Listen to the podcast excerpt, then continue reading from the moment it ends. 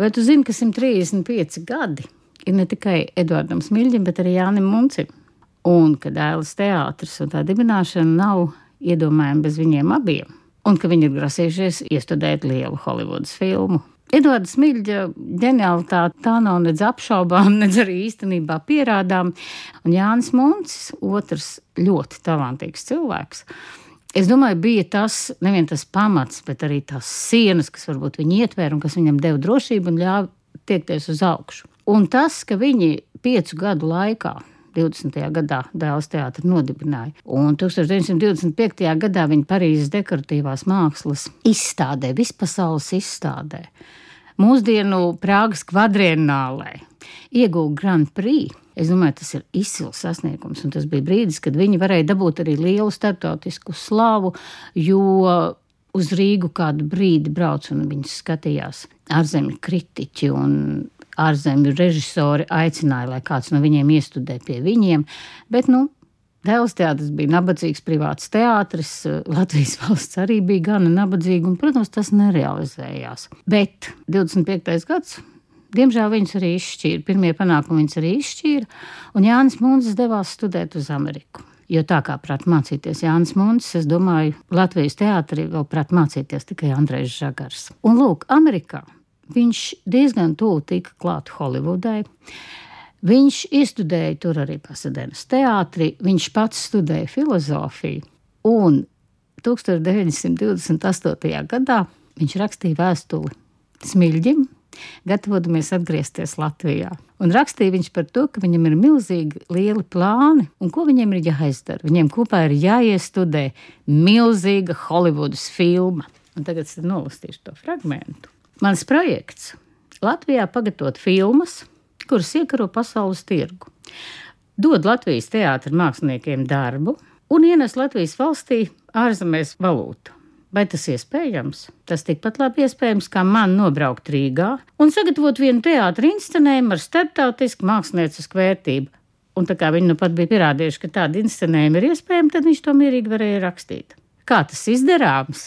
Ļoti vienkārši jāpagatavo filma, kur ir vislabākā pasaules tirgu. Jānis Muncim bija vēriens un ambīcijas, un tas mācību laiks Amerikā viņā noteikti šo vērienu sajūtu vēl arī nostiprināja. Taču, atgriežoties Latvijā, viņš 32. gadā atgriezās Latvijā, kur to vērienu varēja realizēt. Diemžēl ne vienā teātrī. Arī dēls teātrī viņš īstenībā nebija vairs vajadzīgs. Un vienīgā iespēja bija izdarīt to tur, kur ir noteikts valsts atbalsts. Pienāca 1934. gada 15. maija, un tad, kad vajadzēja leģitimizēt šo valsts apmērsumu, tad jāsaka, Latvijas tā laika politiķi ļoti labi saprata, ka vislabāk to leģitimizē māksla. Un tieši Jānis Muncim tika uzdots 34. gada vasarā iestudēt milzīgu vērienīgu brīvdabas uzvedumu atzimšanas dziesmu. Silvija Radzoba ir pētījusi šo fenomenu, un viņa ir arī secinājusi, ka patiesībā Jānis Munds izdarīja to, kas nebija izdevies pat Maksam Reinhardam savā laikā. Viņš vienam, precīzāk sakot, trīsreiz izrādītam brīvdabas iestudējumam, esplanādē piesaistīja Es atkārtošu šo ciparu ļoti lēni - 3472 izpildītājus. Tie bija vārdu tiešajā nozīmē gandrīz visi Latvijas profesionālie aktieri. Gandrīz visi Latvijas neprofesionālie amatieru aktieri un amatieru kustība bija ļoti izplatīta. Tur bija 50 kori, tur bija 600 kaimieki, 100 jātnieki, 400 aizsargi, nerunājot par policistiem veciem strēlniekiem un droši vien vēl kaut ko piesaistītu. Vairāk nekā 3000 cilvēkus, milzīgus korus, ārkārtīgi vērienīgu iestudējumu par Latvijas vēsturi. Protams, konstruēt vēsturi no mītiskiem aizlaikiem līdz mūsu dienām. 34. gadu, kad beidzot Latvija ir panākusi savu valstiskumu uzplaukumu, to izdarīja Jānis Mūns.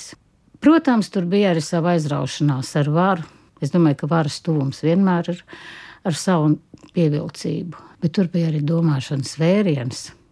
Tur bija liela profesionalitāte, un tur bija dziļas pasaules kultūras zināšanas. Būtu ļoti labi, ja mūsu vara atkal saprastu, ka vislabāk visu izskaidrot tieši māksla. Un dod Dievs, ka mums būtu māksla, kas spēj tomēr atbalstīt demokrātiskas vērtības.